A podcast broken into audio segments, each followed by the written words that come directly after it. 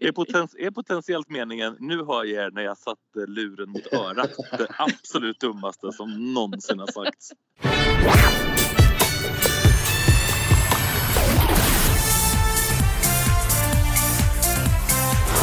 Varmt välkomna till Schlagerfesten!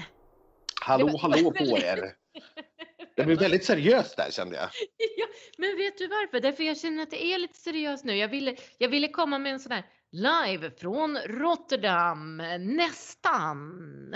Eftersom vi har pratat med Rotterdam tre, eller, tre gånger, eller två i alla fall, en tredje kommer. Eh, så Ja. känns det som att eh, det nästan är så och det börjar verkligen dra ihop sig nu. Och så har vi pratat lite allvar innan vi körde igång här så då, då blev det så.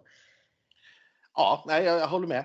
Eh, vi då, det är jag Anders, Och jag Elaine som sitter och nördar ner oss och pratar om Eurovision och Melodifestivalen. Och nu har ju vi bråda dagar såklart, för nu, nu drar det ihop sig nere i Rotterdam. Nu har, de, nu har ju alla repat två gånger.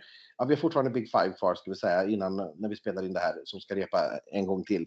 Men annars så har alla gått klart de tekniska repen. Nu är det bara liksom genrep och sändningar kvar. Mm. Och det är liksom, jag tycker det har varit tillräckligt hetsigt här under veckan att försöka hinna med och se alla rep. Igår, eh, eh torsdag, var ju en jättelång dag. Den höll på ända till nio eller något sånt där med rep.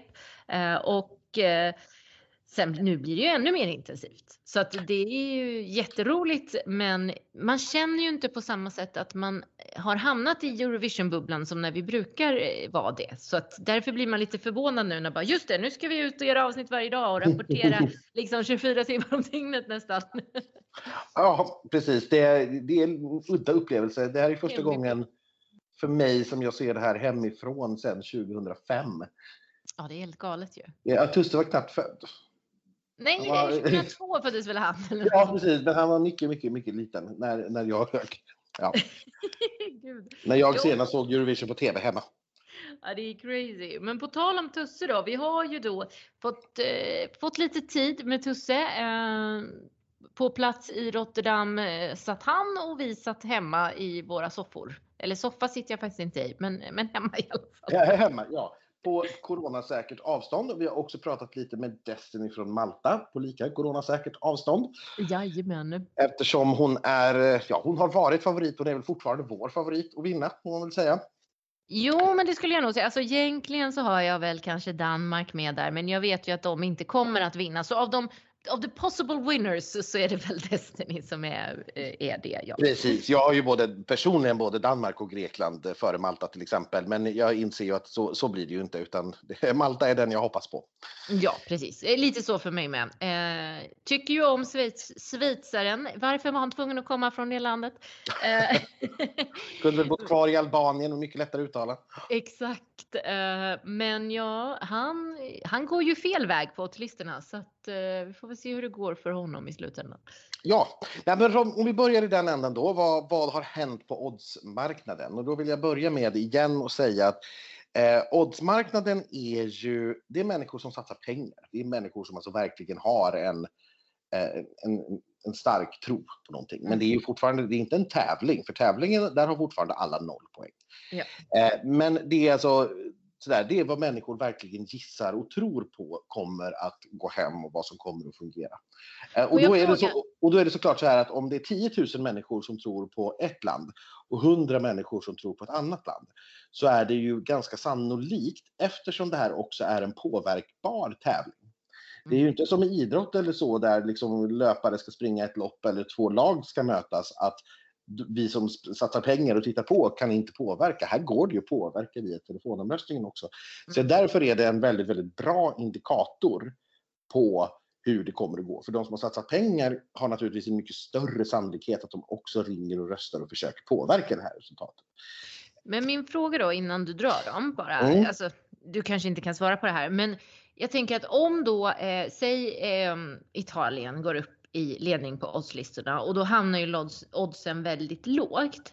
Fortsätter folk verkligen satsa pengar då när det är så låga odds? Kan inte det påverka att man bara, nej men då kan vi ju, måste satsa på något som är värt att satsa på? Eller förstår du vad jag menar? Jo, och, och, det är precis, och det är precis då det, det händer när någon bör- börjar hitta andra saker att satsa pengar på istället. Det är ju en Mm. marknad. Det jag vill få fram är, är ju att det här är inte en tävling. På något vis, utan det här är, det reflekterar människors gissningar. Och det innebär att om vi har jättemånga uppe i toppen som ligger väldigt, väldigt tajt, så är det inte, det säger egentligen ingenting om vem som ligger bäst till, utan det betyder bara att det är något fler som har trott på den ena framför den andra. Det behöver inte betyda någonting när vi kastar in till exempel juryn som faktor. Nej, eh, jag tänker ju kanske inte lägga pengar på Destiny även om jag tror på att Destiny ska vinna för att det är så lite jag får tillbaka på att lägga den. Mm. Alltså förstår du vad jag menar? Då kanske Absolut. jag hellre lägger på en dark horse bara för att hoppas. Sen kommer ju inte min bett äh, hjälpa den upp. Men Nej precis, vi pratar om väldigt eh, stora summor. Eh, jag hörde talas om här att någon har gjort ett enskilt bett på 50 000 euro på Litauen till exempel. Eh, och sånt kan ju naturligtvis...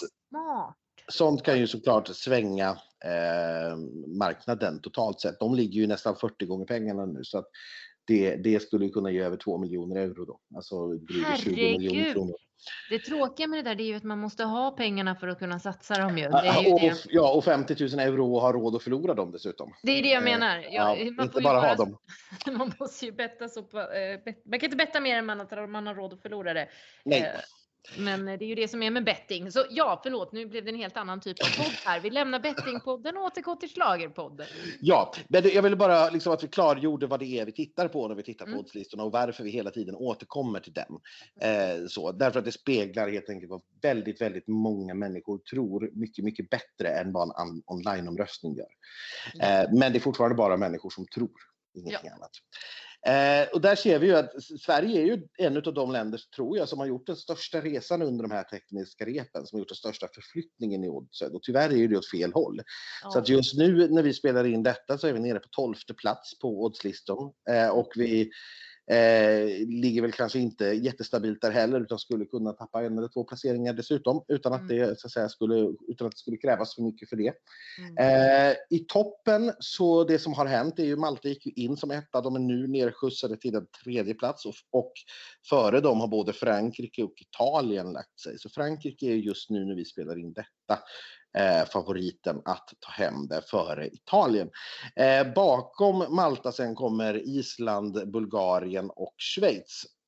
Ja, eh, vi har även vi har även, ja, eh, Schweiz tappar hela tiden här. Efter varje rep så har de tappat några så att säga, placeringar. Mm. Eh, och det kan vi, vi ska prata om det sen tror jag. Vi har även Cypern här ska jag säga. De här, eh, 1, 2, 3, 4, 5, 6, 7 länderna ligger i, skulle jag säga, det som oddsmarknaden på något vis bedömer som det här skulle kunna hända. Mm. Någon av de här, för här då pratar vi om, om länder som ger mindre än 20 gånger pengarna tillbaka om de vinner. Just. Därefter, då kommer vi till Ukraina, Litauen, Grekland. Då är vi uppe helt plötsligt på 40, 50, 60 gånger pengarna och då börjar oddsmarknaden liksom dra sig lite undan och säga att det här, ja, alltså absolut, dark horses skulle i något teoretiskt scenario kunna hända, men med absolut största sannolikhet inte. Mm. Utan då har vi förmodligen vinnaren bland någon av de sju. För så fel brukar som sagt, som vi har sagt tidigare, så fel brukar inte oddsmarknaden ha. De som är i toppen på oddsen nu, någon av dem blir det som vinner. Ja. Ja. Och då kan vi börja diskutera dem då, vad vi tror och vad vi tycker, eh, vad vi står. Frankrike har vi sett en gång bara. Ja. Eh, och vi fick bara se en gång också just. Vi fick inte ens se två från första repet, utan vi fick bara se en, för hon gjorde bara två och den första fick vi inte se. Exakt, så att vi har bara sett numret en gång eh, och då kan man ju tycka att det är lite väl mycket att de som satsar pengar och oddsmakarna sätter henne på första plats för det. Men ja. å andra sidan så var det precis som jag sa i, i något avsnitt tidigare hur jag hade gjort det. Ja. Bara fokusera på henne, ingenting annat. Och det är precis vad de har gjort. Och så lite, lite fåglar på golvet vid ett tillfälle som var riktigt snyggt. Väldigt, väldigt snygg eh, LED-effekt, ja. absolut. Mm. Eh, och sen så... i slutet så har man en handhållen kamera som håller fast henne i bild och den börjar dessutom gunga i takt med ja. att intensiteten, intensiteten i musiken höjs. Ja, men så, så det är jättesnyggt. Det är ja. jättesnyggt. All heder. Och, och, så kul med två Big Five uppe i toppen. För det händer ju inte ofta heller ska sägas. Nej, det vet jag inte om det någonsin har Italien hänt, typ har väl varit där uppe bara för att de är Italien, men inte så pass. Ja, Italien har varit där uppe. Francesco Gabbani har ju varit, varit där uppe till exempel. Eh, mm. Och eh, nu kommer jag inte ihåg vad han hette, men fransmannen som tävlade i Stockholm var odds etta när vi gick Amir. in. Amir hette han, stämmer mm. bra det. Je cherche heter låten i alla fall. Eh, de har varit etta, men två Big Five-länder är etta och tvåa. Men det har jag inget minne av att det skulle ha hänt någon gång. Nej. Kul tycker jag. Eh, Italien då, det är ju det är, rockbandsuppställning. Det är väldigt snyggt tycker jag. Jag tyckte att det jag var... fick lite Hatari-feeling bara för att han hade bara överkropp och lite läderremmar på sig. ja, men lite grann så. Jag tyckte att det var ett ganska sexigt nummer. Alltså, Ja, det var det. Måste jag säga. Så här, snygga kläder och snyggt, kanske lite i mörkaste laget då, men eh, snyggt ljusat. Men det är ju i grund och botten fortfarande rockgruppsuppställning. Alltså de spelar sina instrument och sångaren springer runt lite och sjunger. Ja, ja, ja, men det, det funkar ändå bra. Jag tycker ändå man blev lite hooked. Däremot är jag väldigt förvånad att de klev upp. De klev ju upp etta där en stund tills Ja. Frankrike repade. Eh, lite förvånad ändå över det. Att man tror att något sånt här, som du skrev till mig, att något som sticker ut så mycket och skaver så mycket, eh, att man tror på det. Ja, precis. Det, det förvånar mig lite. Och jag har lite svårt att ta det till mig. Jag har lite svårt att tro på det själv. Mm. Jag tror också att Italien är med i toppen. Men jag har Mm. lite svårt att tro att det ska tilltala den breda massan så mycket att det räcker. Mm. Eh, det, men Ja. ja. man måste ju, ska vi säga, inte vinna eh, varken jury eller telefonröster för att ta hem det här. Jamala till exempel kom tvåa i både och. Ja. Eh, Duncan Lawrence var väl tvåa respektive trea, tror jag. Ja, jag tror det. Eh, så att det är snarare så att vinnarna, de brukar inte vinna någon av dem, utan det är liksom kompromissen mellan jury och den breda massan. Ja. Eh, och det är klart, det skulle kunna vara Italien, men då, Ja. jag, då tror jag kanske mer på Frankrike i så fall. Om jag ska vara, om jag ska vara sån. Eller Malta då. Ja, för att om vi då, nu måste jag koppla in Schweiz här igen då. Det är, ju, det är ju också en ballad på franska Ja. som är väldigt fokuserad på sångaren. De är dessutom Mm. ganska lika. De har ju samma frisyr på båda sångerna. Jag vet! Ja. Eh, och, och då börjar man ju så här, både Barbara och, och Jon då, då börjar man ju tänka att ja, men är det så att de kommer att ta ut varandra? Ja, just det. Så skulle det ju kunna vara. Och då har Att- de ju ett problem. Ja, det, det behöver inte vara ett problem hos juryn, för juryn kan sätta både en 12 och en 10. Absolut. Men, men den tittare som röstar kommer ju välja en utav dem. Japp. Vilket gör att ja, då kanske det är något annat som åtminstone telefonomröstningen funkar väldigt mycket bättre. Till exempel då Italien. Det Mm. skulle kunna vara så, jag kan absolut se det scenariot. Eller då som jag hoppas såklart, Malta. Malta. Det är lite kul för Malta, det är ju också i alla fall en fras på franska. Ja, det är det. franskt i toppen här. ja, eh, och på tal om Malta då. Eh, henne har vi sett repa två gånger, eh, Destiny. Och ja, den stora snackisen är väl vad hon ska ha för kläder. Ja, Vi försökte ju pressa henne lite grann på detta. ja, det gjorde vi. Det gick ju sådär, men ja, mm, lite, Mm. nej, fick vi någonting ur henne? Vi får väl se.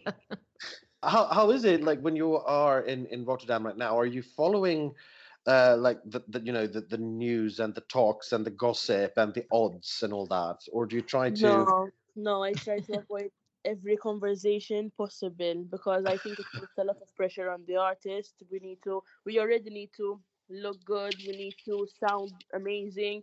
So, like listening to this, these type of conversations puts more pressure on you. So I'm just relaxing when I'm when I have the time. I'm in my room. I'm almost always in my room and speaking to my fans, connecting with people who want to interview me, and it keeps me going. You know and Yeah. nothing. Yeah, I can understand. But I've I've also seen that you do have a bit of interaction, of course, with the other artists. Uh, I noticed uh, a, a day or two ago that you had a bit of a session with our Swedish Tusse. Yeah, yeah. I love him so much. He's such an angel. Oh my god, I really enjoyed my conversation with him. And he's such a positive person. And that's why we connected because we both share the same vibe. We're both 2002 babies. So yeah, we have that spark. what do you think of his song? I love his song. I think his voice sounds amazing. And the song really, really, really suits him because he shows off his techniques in his voice. And oh my God. Uh, so, uh, what what kind of possibilities? I I guess there is a limited possibility to interact with the other artists and delegation, but are there other artists that you've you know caught on to that you clicked with? Yeah, I mean Stefania from Greece. She's such a sweetheart. I've I knew her before because we were at the Junior Vision together. Um, I spoke to Victoria from Bulgaria. Yeah, I'm interacting with uh, people like the contestants. I mean, I'm I have opportunities, so yeah, I have been in contact with some other participants. Cool. Uh, what support do you get from home, from family and friends? Oh, my family. They're so, so, so supportive. They're like calling me every day, seeing how I am, and like, they're like, don't worry, you're going to ace it. Just to believe in yourself, you can do this. I'm, I'm so, so grateful for them. Uh, I know Malta is a very is a country that is very very into Eurovision. I know it's very Yeah. popular. Do you feel the support from from from the country, from from the Maltese people as well, or do you feel pressure from them? I do. I obviously I am aiming to make them proud. So it's it goes both ways because I want to like make them proud, but at the end of the day, you know, it's what like we'll see, we'll see. But uh, I'm very, very, very, very happy to have like my Maltese people supporting me, and uh, they're they're they message me and uh, they're like, "Destiny, it's okay. You're gonna do this. Just focus and enjoy your time." And it's nice, you know, to Yeah. get support from your country. Yeah, I saw that big flower arrangement thing that had been done, for instance. It seems- yeah, yeah, yeah. seems like you really have a good support there. What do you think? What What do you think? Uh, uh, I mean, I, I don't want to go. I don't want to jinx anything, but what do you think a win would mean to the people of Malta? Malta, we're obsessed with Eurovision, as you already said. we love Eurovision, and we're a country where we never won the Eurovision. So No, it would mean the absolute word to win the Eurovision for my country, you know, because they they have been waiting for it, they have been wanting it, they want to bring it home, and I know for a, I'm so sure that they are prepared. But you know what? The most important thing is that I'm here enjoying my time, meeting the other contestants. Like I'm grateful to have had the opportunity, and Eurovision is on. So let's wait and just see, you know, let's enjoy. yeah, I think I can speak for the entire fan community when we say that we are a lot of people waiting for Malta to get that first win because we all wanted two lovely weeks in Malta. In Yeah, yeah. um, so let's talk about a, a little bit about your act uh, and the number because uh, you have, have been working with Sasha Jean Baptiste. She's Yeah. Uh, how has that been? Great. I mean, the first time I met Sasha, she was lovely. She she made me feel so comfortable, and that's why like we we connected instantly, and from there we just started working together. And I think she's doing a great and phenomenal job. I trust her completely, and I just love her so so much. How how how involved have you been in creating the number? very involved. Like when she comes up with ideas, she's like, "This, do you want to try this, or do you want to try this?" And we're like all the time, like trying, changing, trying, changing. Like it's been, I've been in it from the very beginning, Mm. and she kept me in the loop, which is very nice. I also know that you quite recently were in Stockholm to rehearse. Yeah, with How- Sasha. How was that like? amazing. I really enjoyed it. Like I love being with her because she brings out the best in me, you know? She just pushes my limits and at the end of the day it's something needed because then when you're on stage you you see like what she she meant when I was rehearsing. I saw what she meant. Like Mhm. when she started pushing me to do bigger things and I'm like, wow, Sasha, I'm so Mm. proud of you.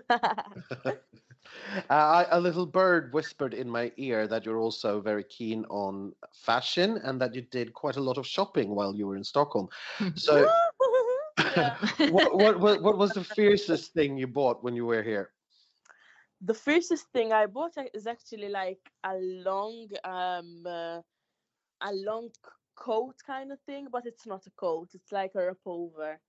It's it was colored with Mhm. pink, yellow, green, and white. It was a big move, yeah. I love shopping. I love shopping. I'm like the first opportunity I have when I'm free is shopping. Have you So- done any shopping in Rotterdam? No, unfortunately, because we're very restricted. Very, Oh. very, very. Which of course is is good. You'll have to come back later to do the the Rotterdam shopping. Yeah, I will. And and speaking of that, we have seen two different dresses on you on stage, a pink one and a silver one. yeah. Are there any more dresses you need to try on, or have you are these the two? And have you decided which one to go with? I would love to keep that as a secret. And I would love Oh, to no. surprise and shock people out there so that they have more to talk about. Can we vote? I vote pink. yeah, I think I think they both were great, of course, but yeah. uh, you- you can't give us a little hint because this is you know one of the big topics that that, that we are all discussing. What she got to wear? I mean, I'm so like I'm talked about. People just want to talk about me, and it's fine because I'm loving it, you know. But how, how do you feel that the rehearsals have been going apart from from the outfit? If we leave that, has it been like you expected? Has it ha, does it look like you and Sasha imagine it? Yes, definitely. I mean, that's what she's been working for. So yeah, of course. Obviously, there's always tweaks and changes because it's a rehearsal after all, and people need to start understanding that that's what rehearsals are for. Yes, definitely.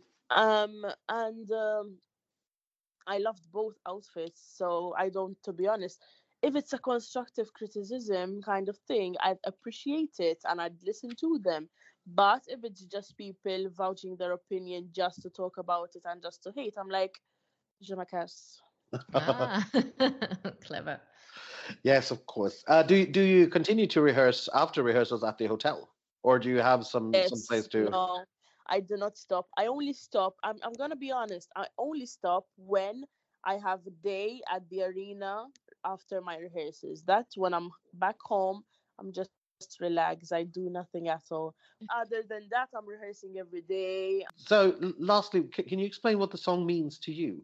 The song for me, the song for me, it means it goes beyond everything. It's like, for me, the song gave me the confidence to start preaching to people because I want all the women out there to know their worth and to know they're beautiful, to know they're special, and to know they are wanted, and to not give a damn about the haters, about what people think about you. Because if you if you just think about what people think about you, you just you can't live. You know, you just need to know you're beautiful and believe in yourself. Be confident in your own skin, and you will 100% achieve and move in life. And that's what I want people to do, women especially out there, to believe in themselves and to feel confident and comfortable. Do you think that Eurovision is a good arena to get that kind of message out? I think so, yes, because Eurovision is all about diversity. Yeah, we get that. But I think we need to push the message for women because nowadays social media portrays uh, the perfect life of people. And I think that with a Eurovision platform, with a good song and a good message, people will actually hear you out and would like even when I do interviews, people will see these interviews, and women especially will see these interviews and be like, oh my God, she's right. I mean, why do I not believe in myself? Why do I feel the need to please people? You don't. You should just live your life and not care about what people say. Super, super härlig eh, inställning. Jag, jag älskar ju liksom allt hon står för ihop med det här. Jag röstar ju, precis som jag sa i intervjun, på den rosa klänningen. Eh, jag tycker att den gör sig mycket bättre till låten och vad låten handlar om eh, faktiskt. Det är min röst. Ja, och jag, jag vill ju inta ett, en tredje position. Jag skulle ju vilja ha den silvriga. Ja, precis. Jag skulle vilja ha den silvriga men i en annan modell. För jag tyckte att den silvriga var för stor. Vilket gjorde att den tog bort lite av, av hennes budskap. Mm. Det här hon sjunger om if I show some skin etc. etc. Men då måste hon ju göra det. Annars blir det ju, hon kan inte ha en heltäckande liksom, eh, klänning på sig. Så att jag, jag, däremot tycker jag att det var mycket snyggare när hon inte smälte ihop med dansarna. För det var, leddarna var rosa och golvet är rosa och dansarna är rosa. Om hon också är helrosa så blir det liksom, det blir, det blir liksom bara lite någonting som rör sig i ett rosa hav. Har du hört mitt eh, ordspråk Anders? Man kan aldrig få för mycket rosa. Jag har ju varit hemma hos dig så att jag har inte hört dig säga det men du har ju så att säga visat det. Ja, det, Ja. Det, det, det går ingen förbi. Nej, det gör det inte. Eh, så att, det, det tyckte jag var bättre, men jag tyckte att modellen så att säga var mycket snyggare i den första. Eh, Ja. Så att jag, vi får se vad de hittar på. Ja, de kanske Eh. flyger ner Sebastian då och sy en likadan fast silvrig och så har man kompromissat. Ja, det, det skulle, om jag fick bestämma så skulle, skulle, skulle det det ha varit så. Kan inte du bara hämta Sebastian och köra ner honom? Så kommer du dit och knackar på. Han är här nu, vi löser. Eh, sen har vi också på toppen Island som ju har faktiskt imponerat, tycker jag, på repen. Ja, gud ja. Eh. De är, vi var ju lite skeptiska till dem därför att vi här, kände att ja, men magin var väl lite grann bruten från förra året. Det som Och var kul då. sämre. Ja, men jag tycker att de uppvisar en lekfullhet på scen och en ja, men någon sorts humorkänsla där de liksom vågar driva med sig själva. Och, ja, jag, jag tycker att de faktiskt har vuxit in i den här tävlingen på ett sätt som ja, jag gillar det verkligen. Jag gillar det också efter att jag såg det så var jag lite tillbaka på såld eh, faktiskt. Jätte, jättekul. Eh, ja, Så jag ska säga så att de inte heller hade ett jättebra andra rep därför att de hade Nej. bytt ut en hel del eh, kameravinklar och satsat mycket mer på större bilder där hela bandet syntes. Och det gjorde att Daddy själv inte hade en aning om vilken kamera som var på. Så att han tittade åt alla möjliga håll utom just i rätt kamera. Och flackade med blicken och så här. Och det, och det, det kan han ju inte göra såklart. Utan han måste ju vara stensäker och glad och, och liksom den här charmiga nörden som han är. Eh, men det är jag inte dugg orolig för. Det kommer han att vara. Det tror jag med. Han är superproffs. Ja, sen kommer vi till Bulgarien. Eh, och här är jag också lite sådär frågande. Det här var jag inne på i vårt förra avsnitt också. Vad, vad gör den här uppe i toppen? För jag fattar att den är självklar i final. Eh, jag fattar att den kommer att vara med på den vänstra halvan, alltså övre halvan av resultatlistan i finalen. Som en möjlig utmanare om vinst. Men Nej. det har jag jättesvårt att se. Jag förstår inte heller det. Eh, Jag, jag förstår inte vad, alltså, jag förstod i och för sig inte riktigt Victoria förra året heller när alla älskade henne. Så att jag har ju kanske ännu svårare att förstå det. Eh, hon sjunger fint, eh, men den här låten eh, säger mig ingenting. Nej, men och det, det är ett ja. jättesnyggt nummer, men hon sitter Ja. ju trots allt på en klippa i havet. Det är ju Ja. vad, och där sitter hon i en pyjamas. Exakt, och sjunger en urlöjlig låt. Förlåt, men ja. Ah, Det kanske har- är någon som ser något i det där som inte jag gör. Jag är väl för kallhjärtad eller något. Nej, men där, be- bevisligen är det ju många människor som gör det och det får man ju respektera att vi, vi uppfattar saker olika. Men att, att den här skulle vara med och slåss när vi har Schweiz, Frankrike, Malta och Island. Nej, Jag kan, jag kan inte se det. Inte Nej. allra högst upp. Nej, jag tycker, Att- vi, att- jag tycker vi lägger in den där. Det, där, nu, det här är fel. Det, Ja, vi får det- se. det där tror jag inte riktigt på. Eh, Schweiz har vi ju pratat ganska mycket om Ja. redan. Jag tycker verkligen att det här är ett jättesnyggt nummer. Eh, tydligen vad jag har förstått så folk på plats då, det, det, det de upplever så att säga är att han ser för osäker ut.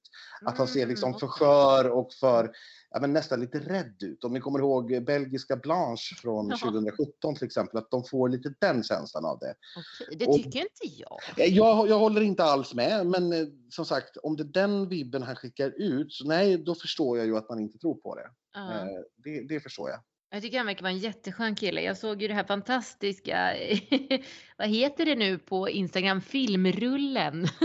Ja, just det. Eh, eller inlägget när han mimar till Beyoncé med en otrolig upp, eh, inlevelse. Eh, och det Det fick ju också mig att känna att han är en, han är en skön kille även fast han sjunger en sån seriös låt. Liksom. Så att det växte för mig där lite. Mm. Mm. Eh, och sen har vi då de här andra, Cypern, Ukraina, Litauen. Vi, har, vi behöver inte gå in kanske jättedjupt på någon av dem. Eh, Ukraina bara, hon kunde ju inte genomföra sitt andra rep därför att hon kände sig sjuk. Och enligt eh, de restriktioner som finns på plats så får man ju då såklart inte lämna sitt hotellrum utan då stannade hon där i väntan på ett PCR-test som lyckligtvis kom tillbaka negativt. Så nu kommer hon att, nu är hon frisk och eh, är tillsammans med bandet igen. Eh, och det här, ja, och de hade ju framförallt en stand-in som gjorde ett alldeles fantastiskt jobb. Kan man säga på, på repet. Alla bara, ja men plocka in henne istället. Ja, det var kanske lite mindre utstrålning, men jäklar, hon, hon lät ju jättebra och kunde Ja, ja, ja, texten. och, nej, det var imponerande hur man bara... Undrar vem i Sveriges delegation som hoppar in för Tusse om han känner sig krasslig på ett Ja, det är frågan. Eller det. behöver vi inte veta nu, de är ju över repen. Men... Ja. Christer.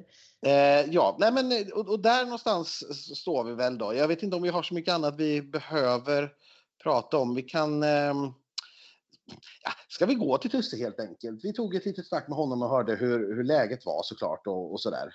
Ja, de hade ju haft en väldigt spännande dag i Rotterdam faktiskt. Ja, både i Rotterdam och i Amsterdam faktiskt har de varit eh, på sightseeing, så hela delegationen. Vi har följt det här med stort intresse på Instagram under dagen. Så det var ju det första vi började prata med Tusse om såklart. Nej, Alltså, jag, jag var helt mesmerized av våran tourguide. ah, hon var fantastisk på många sätt. Men, är, är lite karaktär. Lite karaktär, ja vad härligt. Men då kan du allt om Rotterdam nu och har sett alla eh, sevärdheter som går. Man kan säga att jag kan allt om, om våran tourguide. Ja. Okej. Ja. Men har hon guidat flera artister alltså? Estland igår. Eh, och hon, ja, hon, hon tyckte det var så, så kul så hon började prata om, om, om dem också. Bara, ni måste rösta på deras låt och lyssna på den. Det var kul. Så, kan, kan du berätta om, om dina dagar där nere? Vad, vad gör du? För det- är ju, ni har ju varit där ganska länge, men du har trots allt inom citationstecken bara repat på scen två gånger. Mm. Så vad, vad gör du i övrigt? Men i övrigt så är det ändå ganska fullt upp här. Det har varit, vi har haft, eh, vi har försökt begränsa så här, eh, intervjuerna eh, till bara ett par timmar om dagen. Eh, och sen har det varit eh, mycket skolarbete som jag har eh, gjort för att, mest för att det inte ska bli en hög sen när jag kommer tillbaka och, och, och, och så innan studenten. Det är ju Mm. jätteroligt. Ja. Eh, Det, det, det är dessutom jättebra för rösten att göra skolarbete. Ja, man, man håller sig tyst ja.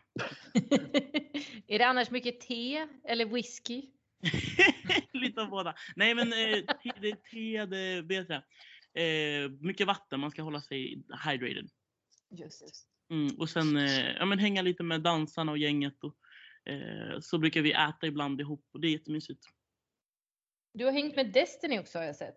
Ja, nej, men vi, det har vi, jag har fått eh, träffa Destiny och Tix mycket ganska. Eh, det är de enda jag liksom fått träffa från de Mhm. andra delegationerna. De var jättehärliga. Vad kan, du, vad kan du berätta om Tix då? Det, har, det pågår ju en liten internetflört mellan honom och den aseriska artisten. Ja, Effendi. Alltså det är Ja. så, jag, jag, alltså, jag, jag- jag vill ha första, liksom, eh, ja, all, all gossip vill jag ve- veta nu. Jag ska faktiskt ner och, och snacka med honom snart. Så jag, jag vill, Jag hade hoppats att du kunde berätta mer faktiskt som är där. Har de överhuvudtaget träffats? de har inte träffats. Eh, och det var kul för jag var med i början när, när, när Tix var, var så här, ja men Effendi. Jag bara, ja, ja, kör, alltså go for it. Så man skulle kunna säga att jag startade en. Men, Matchmaker-Tusse. Exakt, men det har varit kul att se deras eh, försök till flörteri. Vi får se när de äntligen träffas. Mm, det har varit väldigt publikt. Alla har kunnat följa på Instagram dag efter dag vad de gör till varandra. Det har varit väldigt roligt. Exakt. Eh, Men, men om vi ska prata lite grann om repen då. Vad, vad känner du själv om du får berätta med egna ord? Jo, men jag har känt mig ganska trygg på scenen. Eh, med, med alla de... Det, det har inte varit så här sjukt mycket eller stora förändringar vi har gjort. Eh, mer än, eh, än eh, det visuella har ju förändrats en hel del. Och eh, kläderna, det är ju där vi har lagt fokuset. Eh, så då har jag känt att det, det ser nice ut. Eh, och det känns som att de förändringarna vi har gjort har bara lyft det. eh, hittills. Mm. För vi, vi har ju läst lite rubriker och tyckanden och sådär såklart eh, om, om repen och vi har ju också sett dem ska vi säga fast via videolänk. Yes. Och ja, hur, hur, hur, hur känner du att stämningen är i delegationen? För jag förstår att du inte är så jätteinvolverad i sådana här saker som ljussättning och sånt som det har pratats om. Men hur, hur, hur, hur går snacket i delegationen? Vad säger de till dig? Jo, men jag, gör? Grejen är att jag, jag, jag, gud, jag har sån full eh, tillit till, till de jag jobbar med just nu. Alltså Sasha, Lotta, alla de här. De, de, och Christer, vi har ju Christer med oss. De är ju proffs. Um, och när, när något sånt här med ljus händer så vet jag att okej, det är fortfarande det är en onsdag, det är en vecka kvar. De har full koll på vad de gör. Eh, och det vet jag att de har. Alltså, de vill ju bara att det ska bli det bästa det kan bli. Mm, så det kommer bli fixat till nästa rep, det är jag övertygad Och sen har inte, det har inte handlat så mycket om, om, eh, om svenska delegationer utan det har ju handlat om, om vad, vad de nederländska liksom, eh, på plats gör. Mm. Så vi ska ju ta med oss ett nummer och översätta vad vi, vad vi vill till eh, de här människorna på plats. Och det, det, är nog där det har varit lite svårt att få till. Men det, det tror jag vi, vi kommer fixa innan tisdag. Jag, jag är inte så orolig för det heller ska jag säga.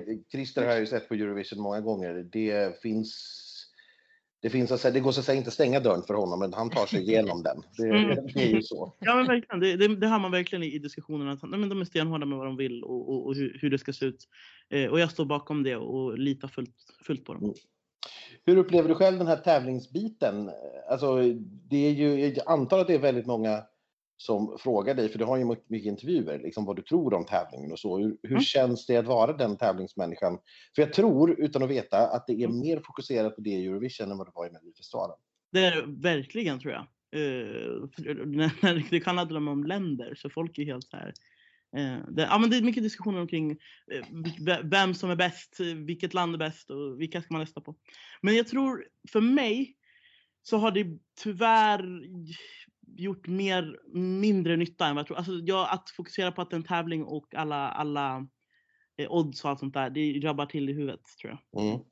För vi bygger ju upp ett nummer som vi, som vi är stolta över och som vi vet att Sverige står bakom. Eh, så bara, bara göra det fullt ut tror jag kommer vara liksom vinna konceptet tror jag. Att Mm. försöka göra numret så fett som möjligt. Utan att tänka bort att det finns eh, Malta som är starka, att det finns Schweiz som är starka, att det finns Island. Utan bara tänka på fan vi ska ta det här i mål med, med vårat nummer. Läs, läser du mycket om vad folk skriver? Inte nu, jag har försökt inte göra det. För jag brukar vara ganska bra på att, på att eh, läsa vad folk Mhm. skriver.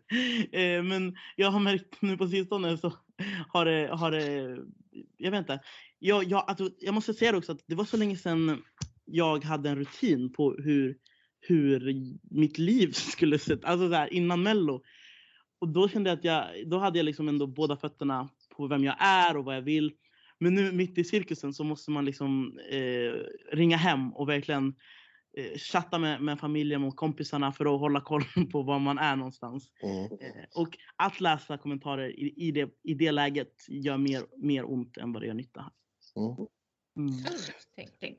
Ja. Ja, ja, ja det, det, det tror jag är jättebra. Alla Eurovision-journalister eller människor på plats är inte nödvändigtvis eh, vare sig sunda eller sanna eller snälla så att säga. Så att det kan vara bra att eh, ignorera dem emellanåt. Vad, vad, eh, pra- pratar du med kompisar och familj varje dag? Eller hur, vilket stöd har du därifrån? Jo men jag försöker. Eh, jag ringer morsan och farsan nästan varje dag och, och mina syskon också. Men sen blir ju, alla har ju sitt liv också. Eh, alla mina kompisar håller, är mitt uppe i stressen med att ta studenten och Mm. söka folkhögskolor och, och liksom utbildningar vidare. Eh, så det blir ju inte lika mycket som jag hade velat. Vad, vad är, upplever du annars är den stora skillnaden mellan Eurovision och Melodifestivalen? Ehm, jag skulle säga att det, för mig så, så blir det att jag inte tävlar för mig själv bara. För med, med Mello så var det så här, man har ju bara sig själv att skylla på och, och, och så. Och, och, och ja, det gör liksom inte så mycket om man skulle fucka upp. Eh, men nu är det liksom hela landet och, och Sverige har ju haft väldigt bra placeringar i, tidigare och det har alltid gått bra för Sverige. Som, ja, det, det det är den, den här pressen som, som, kommer, som, som, man, som man känner av när man kollar på hur grymma artister vi har haft tidigare i Eurovision. Eh, den stör lite. Hur gör du för att hantera den pressen? Ja, men jag, tror, alltså, jag har ju bästa teamet på plats här. Så jag snackar, snackar ju med mitt team eh, och alla kompisar. Da, dansarna är väldigt härliga med, mig. bara, de är skit i det och tänk bara på hur kul du ska ha på scen. Och, och liksom så. så jag tror det är stödet från både liksom, alla där hemma men också men, teamet på plats som verkligen är mån, måna om att eh, vi alla ska må bra och, och njuta av att vi är här. Hur ser eh, de närmsta dagarna ut? Det är eh, någon sorts invigning på söndag tror jag. Ja, eh, vi ska gå turkosa mattan. Vilket ska bli kul. Jag, det här har jag längtat efter så, så länge.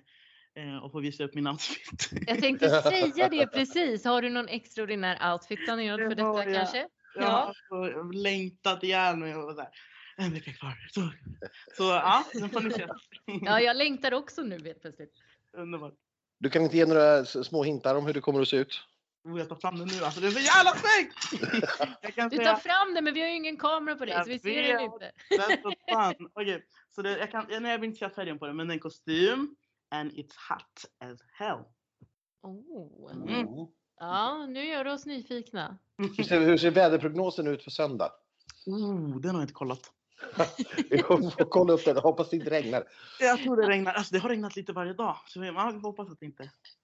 Anders är superglad att han slipper stå i flera timmar och vänta på dig vid mattan dock för en gångs skull. Nu kan vi sitta hemma och titta vid en dator i en Ja, soffa. Det är, mycket bekvämt. det, det är schlagerreporternas maratonlopp, den där invigningsmattan. Alltså det brukar ta en 6-7 timmar att ta sig igenom hela. Jäklar! Eh, När man bara ska stå rakt upp och ner i samma, på samma plats. Liksom. Åh nej, Ja. jag är inte värd det. Nej, nej, nej. Stuff. Hade, hade vi varit där hade jag gladeligen stått de där timmarna, men man är ganska bör efteråt. Det, så är det. Och sen är det juryfinal på måndag och eh, sändning på tisdag. Inte sant? Yes. Och det är då det gäller. Det är de tre, två gånger tre minuterna. Det är det det handlar om. Så att, Ja. Vad gör du liksom precis mot slutet? Hur, hur laddar du upp för att liksom hitta det där extra? Jo, men jag tror det som jag sa innan, att hitta tillbaka till de här rutinerna jag haft. Eh, Mm. ah, Ut och jogga, kolla serier, prata med vänner. För det blir så lätt att man vet att, eftersom att det har funkat i Mello, att man bara kastar in liksom, skorna. Men det ska man inte göra. Utan, eh, jag, jag ska bara kämpa som vanligt med, eh, med att hålla lugnet eh, och inte bli alltför övertaggad men heller inte helt avstängd. Men du är inte nervös då? Jo, men det är klart jag är nervös. Men jag vet också att ehm, jag, jag är, fasen, vad ska man säga? Jag är jättenervös. Men jag vet också att det här är liksom eh, en stor eh, möjlighet för mig att bara, vad ska man säga? Okej, jag är nervös för att det är en stor möjlighet såklart. Men jag är glad över att äntligen vara här. Alltså om jag kollar tillbaka på mitt liv och min karriär så är det här liksom det roligaste jag kommer få vara med om, på, på, om man säger så. Eh, Mm. Så att jag, jag vill nog njuta mer än att bli nervös över det. Så jag, jag vill bara att det ska bli tisdag nu. Ja, nej, men du har gett dig själv chansen att bli nervös och det är få förunnat. Det är jättemånga som skulle vilja vara där du är. Men det är ju så man får se det såklart. Jag har, jag har i alla fall eh, jag har en holländsk kompis som eh, har lyckats få tag på biljett till semifinalen. Så jag har skickat med honom en jättestor svensk flagga. Så att jag, eh, istället för att få vara där så får jag skicka via ombud istället. Han har lovat att skrika högt. Ja men gud vad fin du är. Vi börjar bli lite nöjda där och ser fram emot att få prata med dig igen efter de här eh, sex viktiga minuterna. Uh, Ja, Underbart. Och tills Härligt. dess så håller vi tummarna och önskar all lycka till. Tack så mycket, vad fina ni är. Och jättekul att höra era röster. Det var ett tag sedan. tryggt och säkra besked ändå får man väl säga från delegationen. De har koll på det här, de löser det här. Men han verkar så lugn. Ja, jag tycker det- att den Tusse jag känner, han är inte så här lugn. Jag funderar på om de har stoppat i honom lite Valium eller något. Eh, han kanske var lite matt efter den här jättelånga sightseeingturen. Nu har han lärt sig allt om holländska väderkvarnar. ja, och guidens liv då. Så att, eh, ja, nej, jag Ja. förstår. Nej, det, det glädjer mig mycket att höra att teamet tar hand om honom och att han också har slutat läsa. Eh, eller åtminstone Ja, håller sig borta från varit läsa vad folk ja. skriver. Ja. Eh, för det, han, han mår inte bättre av det. Eh, Nej, nej. Det kan han läsa efteråt i så fall om man vill. Det behövs absolut inte. nej. Så att, eh, det, det, det gjorde mig lite lugnare faktiskt. Och jag, så här, min bild är, nej den andra repetitionen var verkligen, verkligen inte bra. Men det är inte Tusses fel, utan det här är verkligen som man säger, det är den nederländska produktionen som har tagit och missuppfattat allt som den svenska, eh, svenska delegationen sa efter det första repet. Mm. Eh, man hade ändrat på ljuset framför allt, som var Mm. alldeles för ljust. Man såg knappt artisterna, eller Tusse och dansarna alls. Och om man såg dem så var det ju liksom vitt, starkt vitt ljust underifrån som gjorde att de såg ut som spöken. Ja, det var inte vackert. Det, det kan vi konstatera. Nej, och sen är det ju fortfarande det här med de överhängande röstproblemen som finns. Det, man hör att rösten är ansträngd när han sjunger. Eh, Ja, man, han, han klarar sjungit- ju en, så genrep och, och sändning bör ju gå. Ja, precis. Man märker det, det blir andra gången, tredje gången, då, då, ja, då spricker det lite på slutet. Mm. Alltså. Och Mm. nu har han också fått då eh, flera dagar så att säga, vila där han åtminstone inte behöver ta i med rösten. Nej, Eh, att- sen att- håller han ju inte tyst ändå, det vet vi ju. Nej, men, men nu har fått, fått i alla fall så här, några timmar då på rummet, göra läxor. eh, Ja, så. Men, men även att göra intervjuer av den typen som vi gjorde. belastar ju rösten såklart på ett helt annat sätt än Ja. att ta eh, de riktigt höga tonerna så att säga live och verkligen pressa fram dem. För det, det Mm. Ja. är naturligtvis något helt annat. Eh, och då ska vi säga att den här låten är ju ändå sänkt jämfört med studioversionen om ni hör det. När han kör den live så, så går den i en lägre tonart. Mm. Eh, men det gjorde den även i Melodifestivalen. Det var samma tonart som i Mello. Gud, vad du Ja. sprider faktan Anders. Ja, jag har tagit reda på detta för jag tyckte att det lät lägre, men jag kom inte ihåg melloframträdandena så jag var tvungen att ta reda på, eh, på detta. Så då frågade jag en person i Tusses team. Ja, titta där. Ja, jag tänkte det var bäst, bäst att så att säga gå på källan. Ja, nej, men det Eh. är det vi gör här. Här har vi inga, här har vi inga rykten eh, utan vi försöker ta reda på fakta precis som vi gjorde med Tix och Effendi här då via Tusse. Jag tycker vi fick lite mer eh, fakta att det faktiskt stämmer ändå att det är det Tix är ute efter. Ja, Mm. och, och bekräftat att de faktiskt ändå inte har träffats. Ja.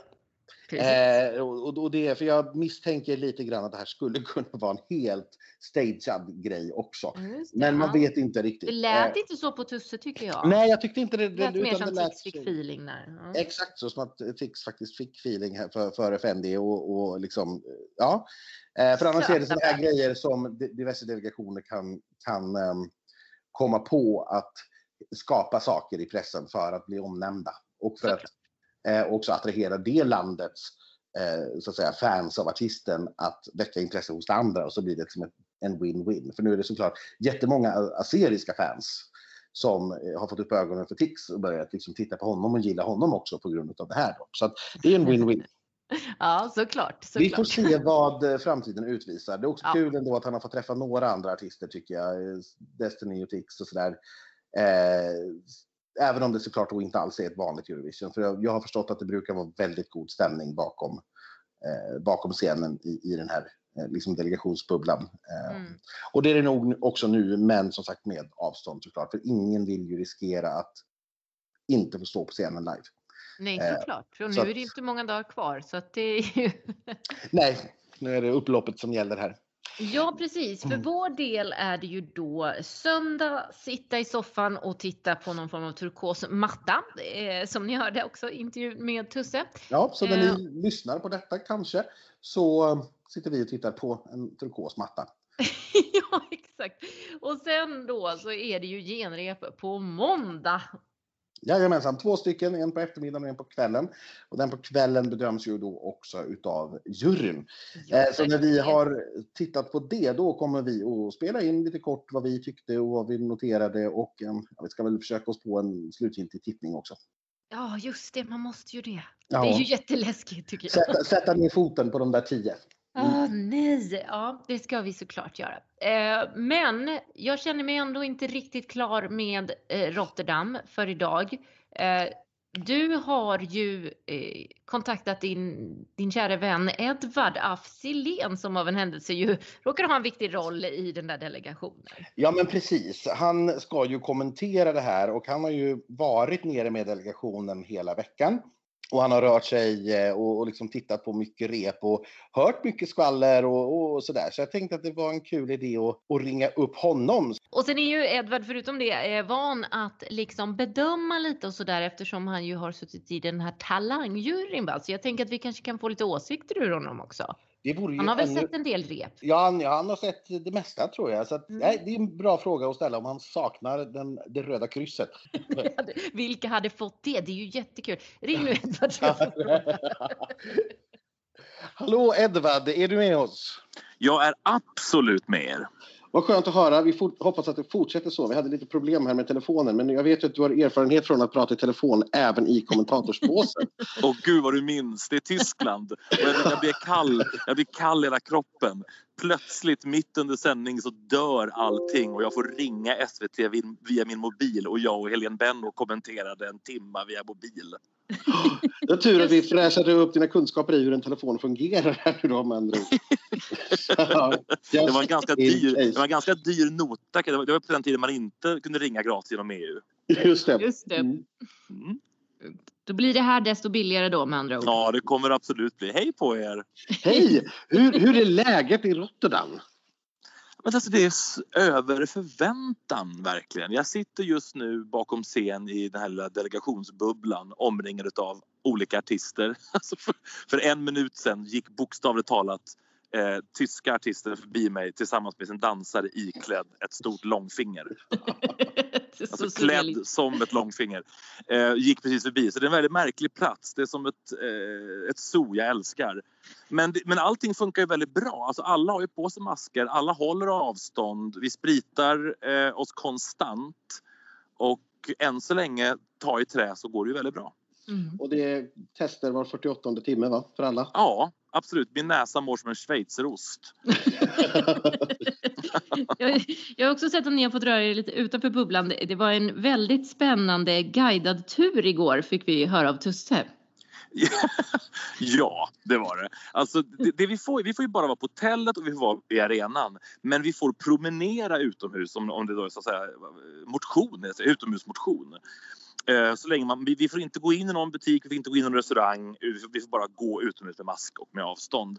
Men man får också göra officiella eh, liksom, turer och det här var någonting mm. som erbjöds av EBU att man kunde åka till Amsterdam med en guide och åka i en sån kanalbåt. Det vi inte visste om var att vår guide skulle visa sig vara liksom Hollands Linda Woodruff. Jag ser henne svepa en sån där liksom, en sån mindre vinflaska innan vi går på båten och sen så höll hon låda hela vägen. Ja, det är viktigt att sprita sig som sagt. Det, det är ja. skönt att ja, du tog det på allvar. Alltså, jag höll sånt avstånd men hon var ljuvlig. I slutändan så spillde hon vin över hela båten, sjöng dingedong och blev förälskad i den svenska låtskrivaren. Det var en toppentur.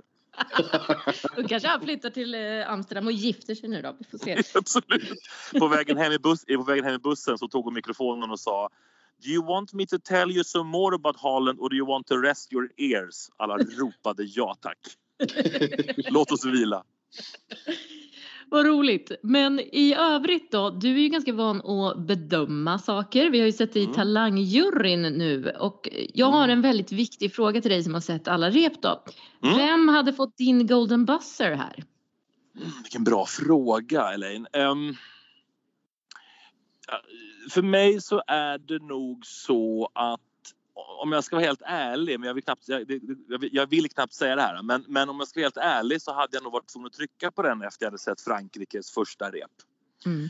För då, då utgår jag från att jag ska bedöma talangen på scen och inte låten som talangen har med sig. Jag mm. har vissa issues med den franska låten för jag tycker att den känns för mycket som, som en, en nästan parodi på en fransk chanson.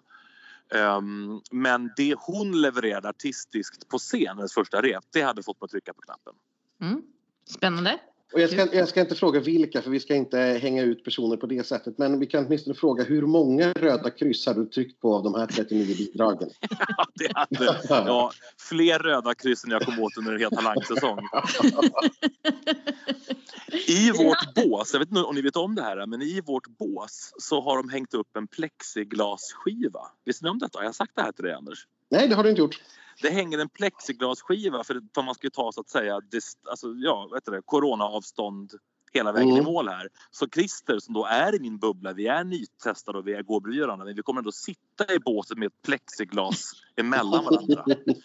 Och jag, jag, ser framför mig att under Frankrikes bidrag så kommer det bli som i Titanic. Jag kommer bara se Christers hand som åker upp på en immig plexiglasskiva och glider ner genom imman. För om jag tycker att Frankrikes låt är sådär så tycker ju Christer att det är deras nya nationalsång.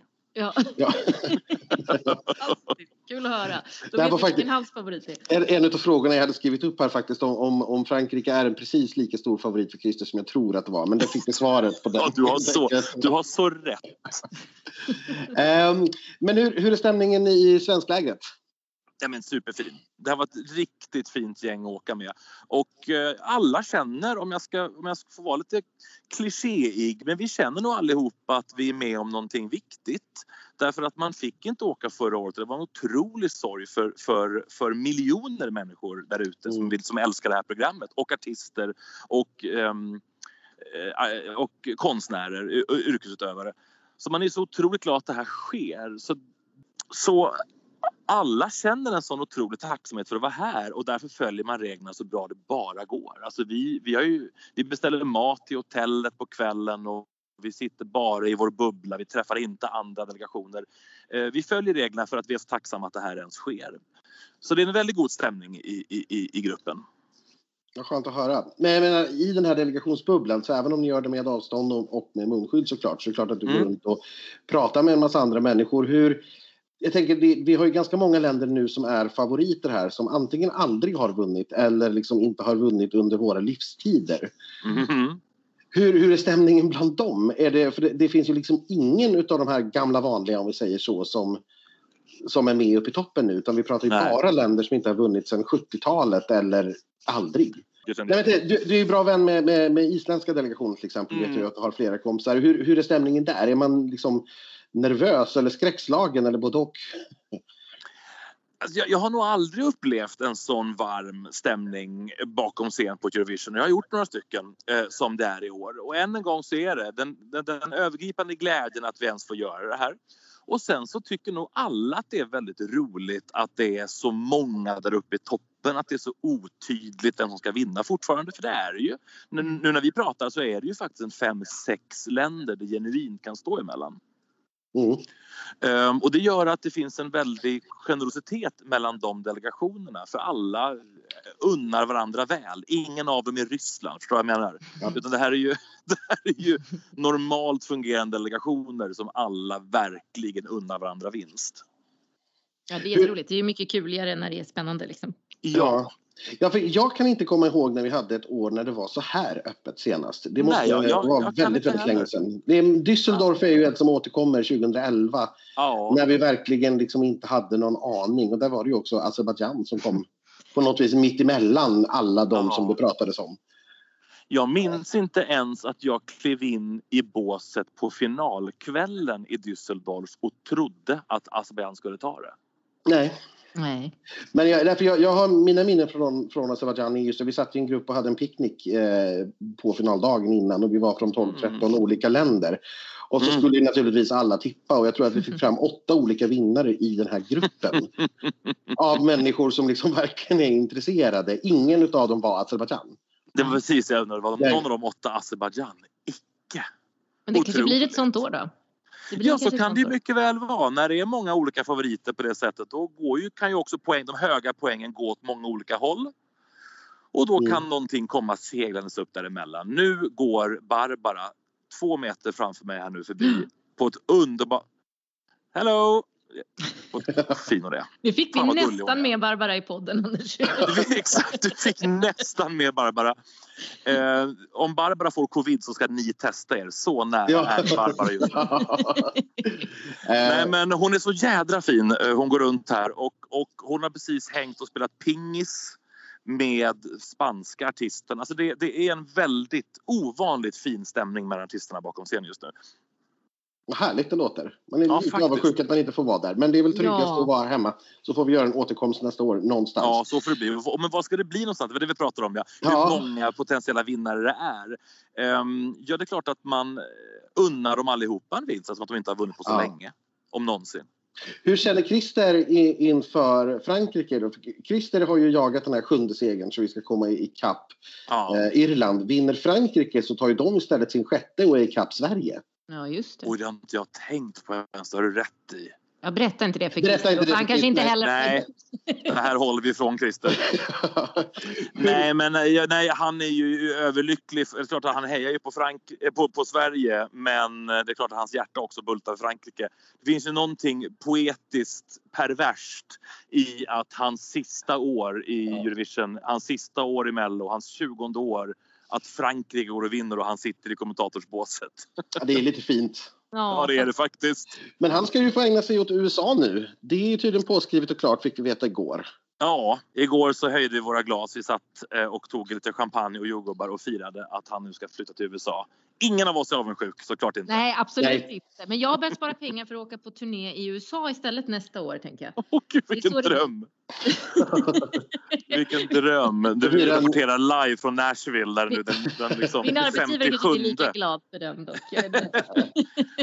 Det blir väldigt, väldigt spännande. Det är otroligt stort. Jag tycker det fram- framförallt är kul för att det har varit så många kritiker mot det här som inte har trott det skulle fungera. Mm. Eh, och därför är det ju såklart väldigt kul för, för det här gänget Peter, Anders och Christer att få visa att jo då, det, det gick för det är många som har försökt innan dem ska man komma ihåg med det här. Ja, och man har ju försökt med ett Asian Eurovision Song Contest i över ett decennium eh, Ja, utan precis. att ha lyckats få ihop någonting. Så att det är ju en, ja, det är en framgång, absolut. Men Ja, till, tillbaka till Europa här. Eh, Ja, verkligen. några- USA, USA känns så nästa år. verkligen. Det, det tar vi då. Eh, hur, hur stor del av ditt manus är färdigskrivet? I pratande stund så har jag nu skrivit igenom semi 1 och semi 2. Så jag är på lite bra humör idag. För att Skönt. det har varit, det är ju väldigt mycket jobb alltså. Men nu ska jag öppna programledarnas manus och se vad det ska hända där. Och hur kommer mellanakten se ut? Hur kommer öppningen se ut? Och då måste jag börja skriva kring de bitarna. Och sen måste jag börja skriva om allt jag har skrivit. Så att det, är, det är rätt mycket jobb hela vägen in i mål, det är det ju. Men eh, jag tycker det känns eh, väldigt kul i år. Det är mycket bra musik i år. Mm. Ja, det är jättekul. Eh, Och sen antar jag att ni kommer att sitta och repa under genrepen också, du och Christer och Klocka. Ja. Och så får ni stryka hälften för att ni har skrivit för mycket. Ja. Jag, jag, jag har nu klockat vykorten. De verkar vara rimliga. De är dryga 40 sekunder. Och sen får man då lägga på applåder från innan vykortet och en liten sån eh, beauty shot som det kallas i arenan där det står titeln, vilket några sekunder. Så kan vi kanske ha 48 sekunder på oss. Och det är man, ja, en del länder finns ju ingenting att säga om. Hej Georgien! Men, eh, men de flesta i år har man ju massvis att berätta. Skvaller och information om artisten och sen lite, rolig, lite roliga tankar. Så det, är- det där är, det är alltid svårt att få in allting. Det är det. Ja, och som jag har sagt till dig förut, det här är ju det enda glädjeämnet med att jag får sitta hemma och titta på TV nu för första gången sedan 2005 är ju att jag faktiskt får höra dig kommentera det live och inte dagen efter på SVT Play. Det ser jag jättemycket fram emot. Åh, vad roligt! Ja, det gör mig väldigt glad. Avslutningsvis skulle Mm. jag vilja ändå att du tippar en vinnare Edvard. Jag tror inte att Island och Litauen lyckas klättra upp. Jag tror inte att Malta lyckas i år. Låten är så jädra bra men jag känner inte hundra att artisten Destiny är, är riktigt bekväm nog på scenen ännu i det här scenuttrycket som de har valt. Och då har jag Schweiz och Frankrike kvar. Italien ser jag inte som vinnare. Jag kan verkligen ha fel. Mm. Så jag säger Schweiz eller, eller Frankrike. Och då slänger jag mig nu ut och säger att Schweiz... Nej, men jag tror... Nej, det blir Frankrike. Jag vill så gärna att det är Schweiz som tar det här alltså. Men eh, om Frankrike fortsätter leverera som hon har gjort nu så tror jag att hon kommer att vinna det här. Okej. Det blir en hård kamp mellan de franska krulltottarna helt enkelt. Ja, det är det verkligen. Men i slutändan blir det underbara, ostoppbara Barbara. Ja, alla fall. de orden ifrån Rotterdam så tror jag att vi avslutar här Elaine, för vi har pratat länge nu. Ja, det har vi. Eh, Men Edvard är ju så rolig så det, det Ja. blir ju så. Det var en glädje. Vi, vi borde prata oftare. Det är roligt. Ja, det borde vi faktiskt. Vi kanske hör av oss till dig eh, lite här i mitten av veckan om du har får ni tid. jättegärna göra. Så länge jag har rösten kvar så kommer jag gärna och sjunger Voila för er i podden. Gud vad härligt. Det ser vi fram emot och ni andra som lyssnar, ni hör oss ju igen efter genrepet på måndag. Eh, tills dess så tvättar ni händerna och använder munskydd och tar hand om er såklart som vanligt. Hej då!